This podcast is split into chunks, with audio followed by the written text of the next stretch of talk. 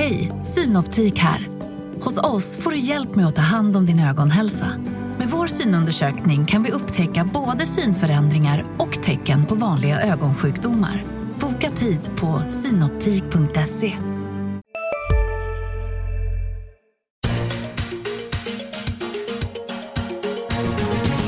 Hej och välkommen till Makrorådet, podden där vi pratar om de stora ekonomiska skeendena. Jag heter Viktor Munkhammar. Med mig i studion idag har jag Per Magnusson, senioranalytiker på Swedbank och Johanna Jansson, vår egen makroanalytiker här på DI. Välkomna hit ska ni vara båda två. Tack så mycket. Denna regniga onsdag, i Stockholm i alla fall är det regn den här onsdag förmiddagen. Eh, men vi är inne i en varm och skön studio så det gör ingenting. Eh, vi ska prata om Riksbankens nya målformulering. Eh, ni har med er varsin spaning och vi ska få höra vad som blir veckans viktigaste. Där kommer det vara lite USA kan jag avslöja redan, redan nu. Men det är trots allt eh, 17 maj, eller hur det nu ska uttalas. Min norska är inte den bästa. Eh, och vi ska därför köra lite Norge special tänkte jag. Det här är ju ett viktigt land för Sverige. Vår största exportpartner i eh, konkurrens med Tyskland. Det brukar ligga runt 10 procent båda två. Eh, väldigt många svenskar som jobbar där. Gränshandeln är viktig och så vidare. Eh, och så är det ju nationaldagen idag. Så vi kör igång med eh, Norge som ju har en lite stökig period bakom sig. För något år sedan var arbetslösheten uppe på 5 procent. Det låter ju fantastiskt i våra öron. Eh, för Norges del var det den högsta nivån på, på 20 år. Nu har den sjunkit ner lite grann, ligger kring 4,5 som återigen är en fantastisk nivå men hög med norska mått mätt. Eh, de har ju oljeprisets väldiga svängningar att eh, ta hänsyn till. Eh, och de har haft en inflation som har legat på en bit över 3% men som nu har dykt ner i backen och det spekuleras om räntesänkning. Detta är fonden då till Norgesnacket. Johanna, vad är din bild av den norska ekonomin just nu? Min bild är att de har en konjunktur som faktiskt är på gång efter den här svackan som du beskrev. De trycktes ju hårt, till hårt av raset i oljepriset som var 2014-2015 och även om det finns delar av den norska ekonomin som inte är direkt exponerade mot olje och gassektorn så påverkas de ändå. Och sen då som motvikt till det så har man dels eh, dragit på med både finanspolitik och eh, lite lägre räntor så att man har försökt stödja upp ekonomin och det har gett effekt. Eh, så det går bra för Norge nu. Eh, Konjunkturen är på gång så de har all anledning att fira även en ekonomisk återhämtning idag, 17 maj. Eh, Det är egentligen det enda orosmomentet, och det är inget litet orosmoment kanske, men det orosmomentet är att de har, precis som i Sverige, en het byggsektor och snabbt stigande fastighetspriser. Ja, okej. Lite överhettningstendenser i vissa, eller bubbelvarning i vissa Ja, alltså det sektorer. beror, då. precis, beror på hur man ser. Det är ju som alltid att det är svårt att se bubblorna innan man så här, på förhand. Men det går, det byggs mycket och eh, Norge ligger i topp faktiskt över Sverige när det gäller husprisutvecklingen de senaste åren. Det låter oroväckande. Ja, det kan vara lite Kan oroväckande. vara. Ja. Per? Ja, det är egentligen inte så mycket att tillägga. Allt som eh, Johanna säger, det, det stämmer och det sammanfattar bilden ganska väl. Eh, men det är ju framförallt eh, det man kommer tillbaka till hela tiden. Det är ju priset på olja och naturgas som är så viktigt för alla delar i den norska ekonomin och inte minst byggsektorn som är beroende av detta. I alla fall lokalt, alltså längs kustområdena i Norge så hade man ju inte bara en oljepriskris utan man märkte ju ganska snabbt att det började bli en, en gryende fastighetskris i ställen som Stavanger och i delar av Nordnorge. Eh, och med oljepris på 25 dollar som vi hade då i början på förra året så var det ju kris. Men nu när det är på väg upp igen så, så ser det bra ut. Däremot så kan man ju fundera på de långsiktiga konsekvenserna av det faktum att vi gick från en värld bara för en fem sex år sedan där vi trodde att ja, 120 dollar det var den nya normen för oljepriser, det ska upp. Sen hade vi frackingrevolutionen som har tryckt ner oljepriser och nu dessutom går vi mot en utveckling inom energiområdet där vi kanske blir mindre beroende av förbränningsmotorer och därmed den typen av bränslen. Så att långsiktiga utsikterna för Norge är eh, kanske inte så gynnsamma ur det perspektivet. Det här är väl en, en, liksom en omställning som, som Norge faktiskt måste ju ha varit berett på. Dels de här skälen som du nämnde nu, att oljepriset är lägre, att vi inte behöver så mycket olja. Men oavsett det så eh, har man väl fått utgå från att någon gång tar oljan slut i Nordsjön. Eh, sen så har ju oljeindustrin varit väldigt duktig på att hitta nya fyndigheter och nya sätt. Du nämnde den här skifferoljan exempelvis och sådana saker. Men, men det här är ju en, liksom en, en, hela den norska ekonomin måste ju ställas om från det här äh, väldiga oljeberoendet som ju har varit fantastiskt gynnsamt. Äh, hur är din bild att den här omställningen eh, går? Ja, man säger så här, det var väl ingen som kunde förvänta sig att oljepriset skulle gå snabbt upp till 120-130 dollar. Eh, men det var heller ingen som vid den tidpunkten förväntade sig att den skulle kunna dyka ner till 25 dollar igen. Så att svängningarna har varit svåra att förutse. Däremot så är det ju så att alla vet att oljan är en ändlig resurs även i Norge.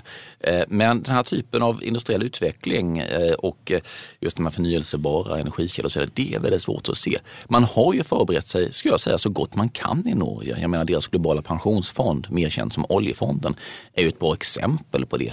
Och den har ju uppfunnits av flera skäl. Men dels för att man förbereder sig inför en framtid utan oljan. Att man ska då ha klarat av sin folkförsörjning pensionen i alla fall. Mm. Johanna, hur är din bild av den här, liksom mera, om vi tittar, lyfter blicken ytterligare lite då, den här omställningen som den norska ekonomin delvis redan är inne i men kanske också framförallt står inför? Ja, men ja, precis, det är som Per säger, de har ju förberett sig så gott de kan för att inte hamna i det här där hela oljesektorn skulle trycka ut resten av ekonomin genom den här pensionsfonden. Men det är klart, de har ingen annan riktig spets. De har sitt fiske, det är en sak. De har eh, en stor aluminiumproduktion, en annan sak. Det, det blir nog eh, Ja, någon typ av mer tjänsteinriktning kanske i ekonomin.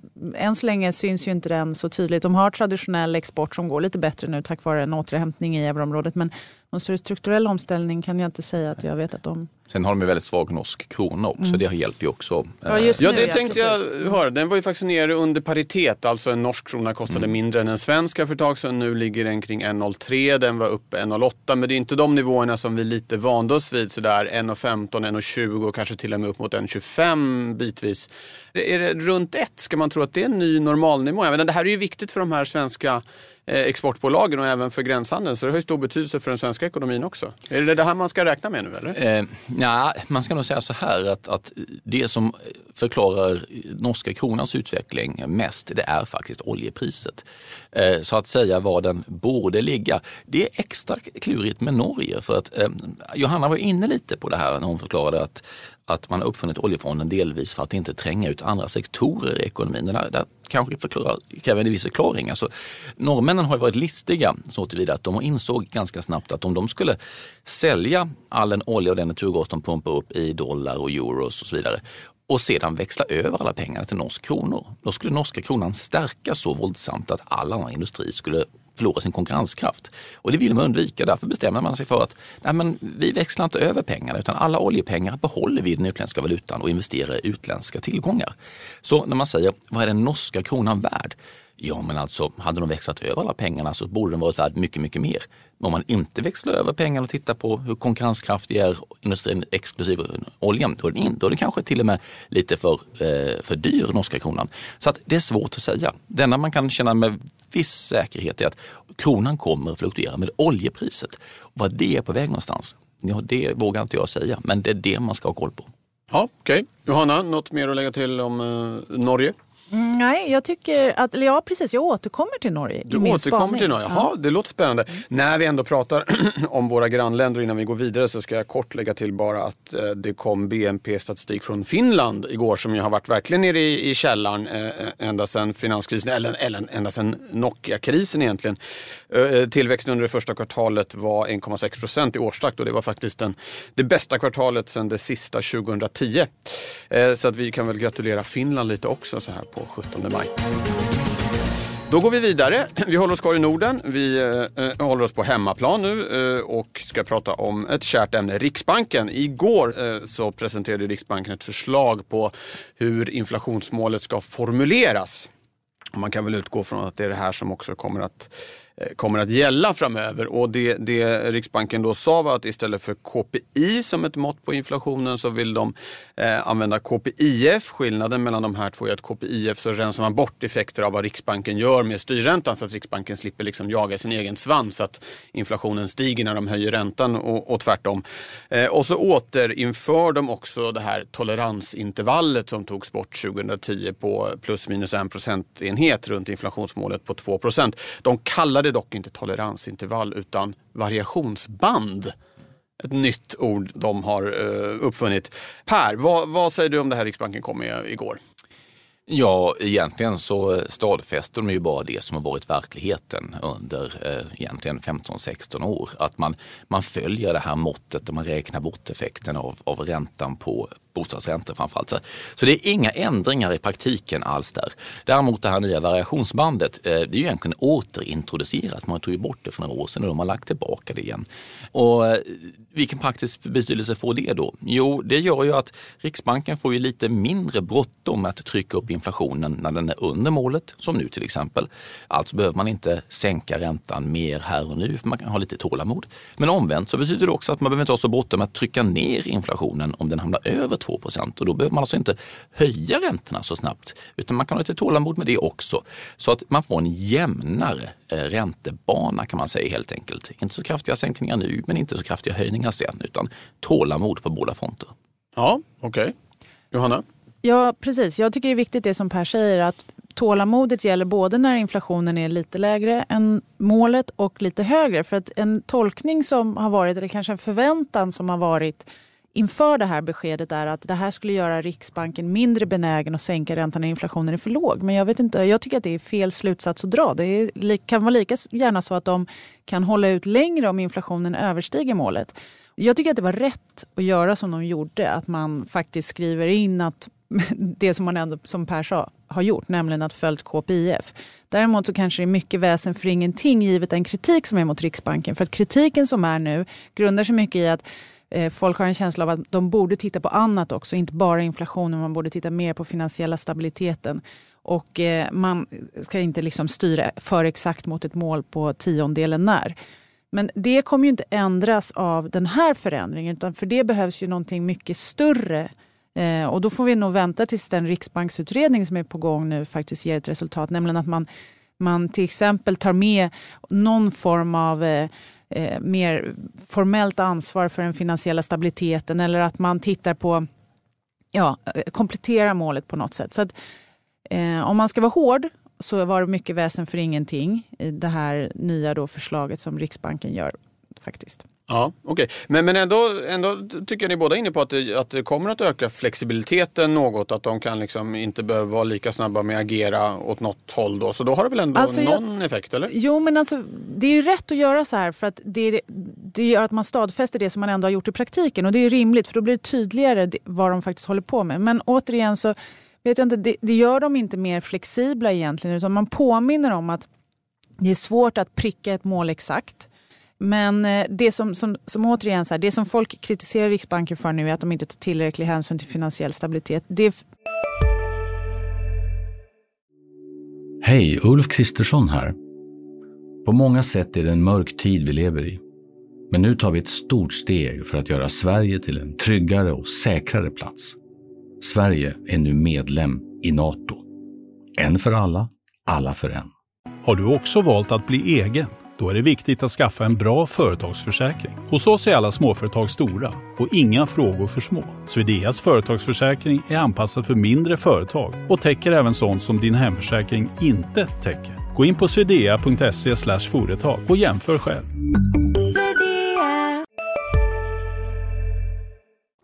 händer ju ingenting med det här. De kommer ju inte kunna sitta med och sikta på inflation på 1,5 procent och säga att det är okej. Utan, så det ändras inte. Och sen så återigen, så här, anledningen till att Riksbanken agerar som de gör just nu är att inflationsförväntningarna har varit så låga, så nedtryckta. Så att de har känt sig, alltså de måste bevisa att de kan, faktiskt kan få upp inflationen.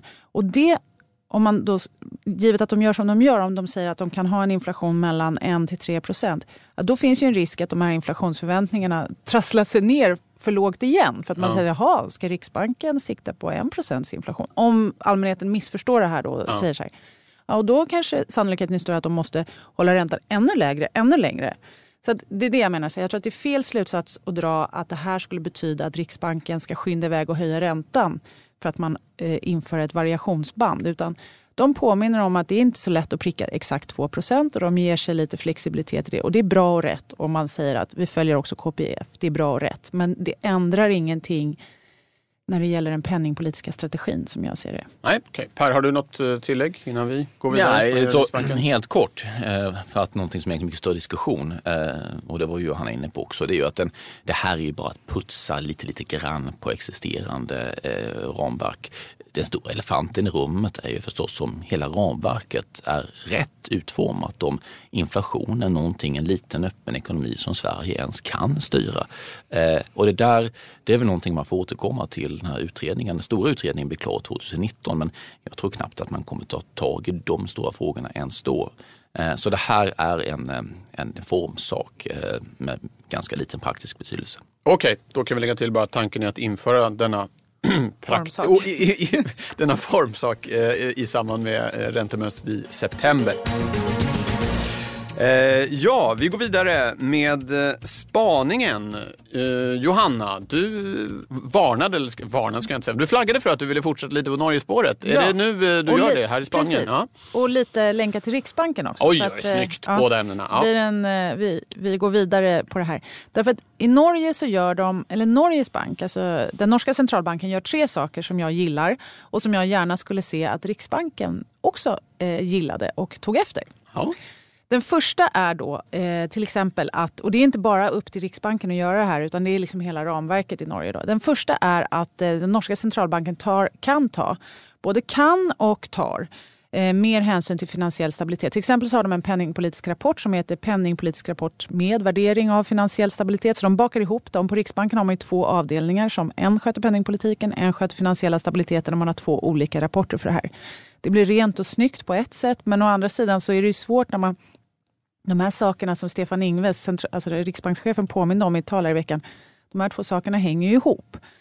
Så det, det, är svårt att liksom sära på dem helt och hållet. Så Det är den ena saken. Och det, det, är också så att Norges Bank har ett mer eh, explicit ansvar för finansiell stabilitet för att de får ge råd till Finansdepartementet om bankernas kapitalbuffertar. Mm. Så att de har lite mer mandat för det. Det är den första saken. Den andra saken är att de är, eh, har ett tydligare när det gäller vad som påverkar dem i sina räntebeslut. Till exempel har de två diagram som jag gillar i sin penningpolitiska rapport. Där de visar så här, de här fem variablerna tar de upp varje gång. De har påverkat oss på det här sättet i räntebeslutet. Till exempel kan det vara så att de säger att en svagare krona har dragit åt det här hållet. En starkare inhemska efterfrågan har dragit åt det här hållet. Det är liksom väldigt förenklat och akademiker skulle säga, skulle säga att ja, men det, det, är inte riktigt korrekt att göra så här. Men pedagogiskt så blir det väldigt snyggt och tydligt varför de har tänkt som de har gjort kring räntan.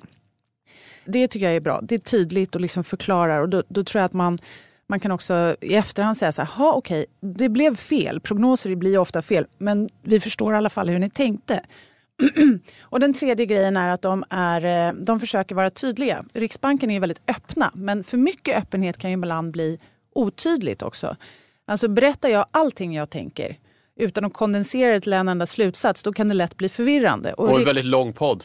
Och en väldigt lång, förlåt, nu kanske jag är för långrandig. Nej, nej, nej, nej, bara... nej, men jag tänker att Riksbanken är ibland så öppna och de har långa protokoll med 20 sidor, de har tal som är 20 sidor långa.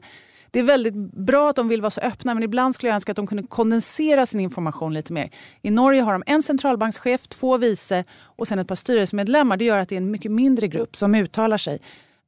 det också bidrar till den här tydligheten. De har åtta möten precis som Riksbanken. Men de har bara fyra penningpolitiska rapporter per år. Så att lite liksom, de har smalnat av eh, liksom sin kommunikation jämfört med vad man har gjort i Sverige. Så de tre grejerna gillar jag med Norge och de skulle jag gärna se att Riksbanken tog efter lite. Ja, per, någon kort tanke om eh, Johannas hyllning till Norges bank får man säga? Nej, men jag kan väl se att det finns väl en, en, en klokhet i eh, att försöka kondensera ner budskapet. Men och jag förstår samtidigt Riksbankens dilemma. Alltså, å ena sidan så vill man vara transparent, få med alla nyanser. Eh, man ska tänka på att ett centralbankskommunikation är eh, en väldigt delikat sak med många nyanser. Och då kan det bli svårt att koka ner det till sådana såna här bullet points. Men, men, så att det har både sina för och nackdelar. Men en förbättrad pedagogik för allmänheten är nog alltid bra. Ja. Fint. Vad har du med dig för spaning?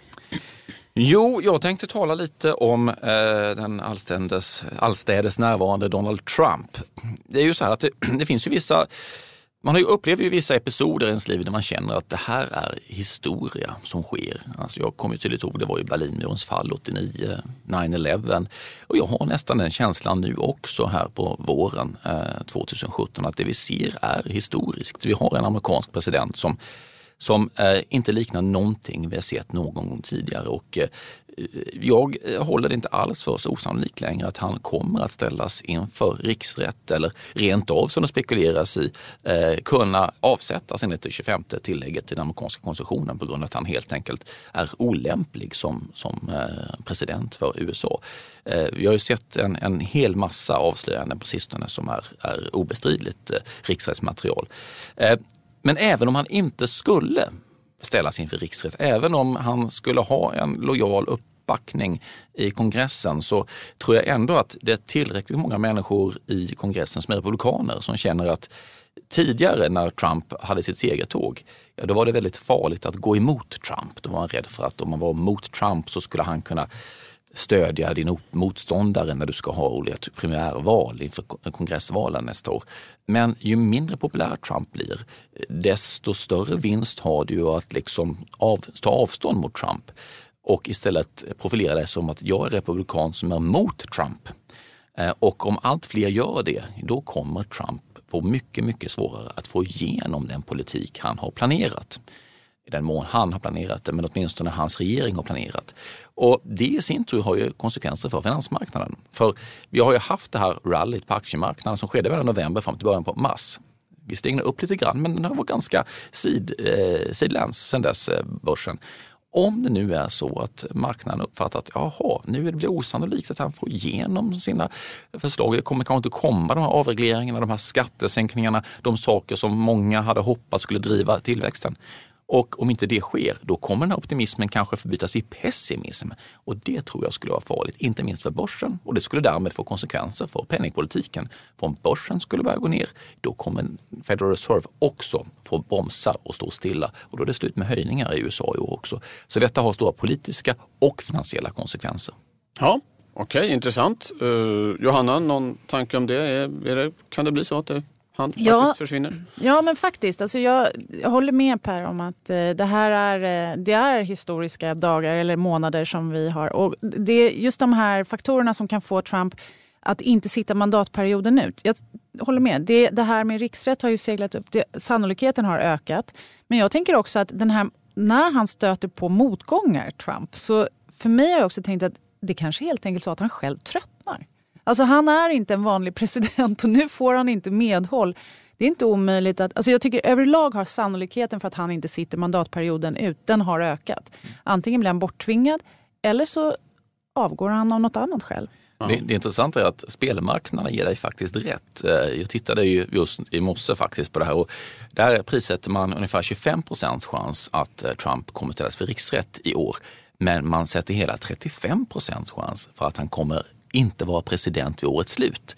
Så det är större chans att han avgår av någon anledning eller skulle avlida kanske, eh, men skulle försvinna än att han faktiskt ställs inför riksrätt. Ja. Så det där är intressant. att Ja, det, det visste faktiskt inte jag. Men, jag nej, men det, och just att han är inte en konventionell president. Han följer inte de konventionella underförstådda reglerna inom politiken. Så att, ja, jag tycker absolut att sannolikheten har ökat för att han inte sitter mandatperioden ut. Ja, Okej, okay. som så mycket annat så är det någonting vi antagligen får återkomma till. Inte minst ju eftersom du har, som du är inne på Per, då, implikationer för finansmarknaden.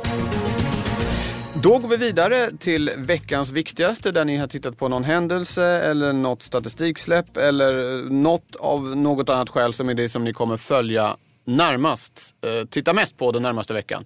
Eh, per, du det är lite samma spår du har här. Eller? Ja, jag är inne på samma tema. Viktigaste. Ja. Veckans viktigaste, det är ingenting som, som ingen datapunkt utan det blir att eh, dag för dag följa utvecklingen i, i USA. Och eh, det är ju intressant det här för att det här är lite som en, får en snöbollseffekt för att ju, ju mindre populär Trump blir bland sina närmaste och ju mer rädda de blir, desto mer kommer det läcka. Han har ju nu gjort både CIA och FBI till fiender och nu har han dessutom förmodligen retat upp en hel del av sina närmsta talesmän genom att undergräva dem. Så att ju mer det läcker, ju större kommer läckorna bli hela tiden. Så det där är en, en snöbollseffekt vi ser. Så att det kan komma allt mer eh, nyheter som, som eh, ökar trycket på, på Trump. Eh, så att det är det jag kommer följa mycket nära. Ja, Johanna, vad kommer du titta mest på? Ja, jag, nu känns det här futtigt i sammanhanget. För det är klart att eh, vad som händer i USA och eh, för presidenten där är viktigt. Men bakom all den här politiska oron som, eh, som finns både i USA som vi även haft i Europa inför val och sådär så har vi en konjunkturåterhämtning som pågår och har pågått ovanligt länge. Den går redan på övertid kan man säga om man tittar på olika mått på hur konjunkturen förbättras. En sån indikator för att se hur det kommer te sig framöver kommer i veckan. Preliminära inköpschefsindex. Och det, den är ju viktig för att den är relativt snabb. Man frågar inköpschefer i olika länder om vad de tror om produktion, sysselsättning, eh, möjlighet att höja priser och sådär. Den är intressant för man kan jämföra olika länder med varandra. Den är intressant för att den som jag sa är tidig och eh, eh brukar liksom ge en fingervisning om vart vi är på väg. Och då får vi se om den här eh, rekord, nästan rekordlånga då, konjunkturåterhämtningen ska fortsätta eller om den börjar mattas lite. Och det här är på onsdag, på onsdag eller? Och vi ska säga också att för Sverige finns det ingen sån Det finns inga preliminära utan det är just de stora, de stora regionerna, euroområdet och sen stora länderna, ekonomierna som USA till exempel. Kina kommer också. Mm, mm, Okej, okay. vad bra. Hörni, det var allt för idag tror jag. Ja. Tack ska ni ha som kom tack hit. Mycket. Tack ska du ha tack, som tack. har lyssnat.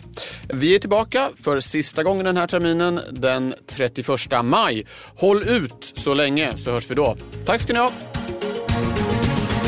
Makrorådet från Dagens Industri. Podden klipps av Umami Produktion. Ansvarig utgivare Lotta Edling.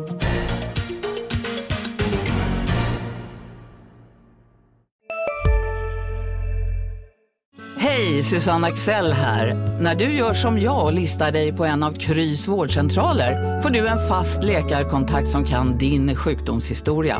Du får träffa erfarna specialister, tillgång till lättakuten och så kan du chatta med vårdpersonalen. Så gör ditt viktigaste val idag, lista dig hos Kry. Njut av Max Selection El Maco med Premium Beef. Vår saftiga och lyxiga burgare av 100% svenskt nötkött och 100% fantastisk smak. För ett ännu godare McDonalds.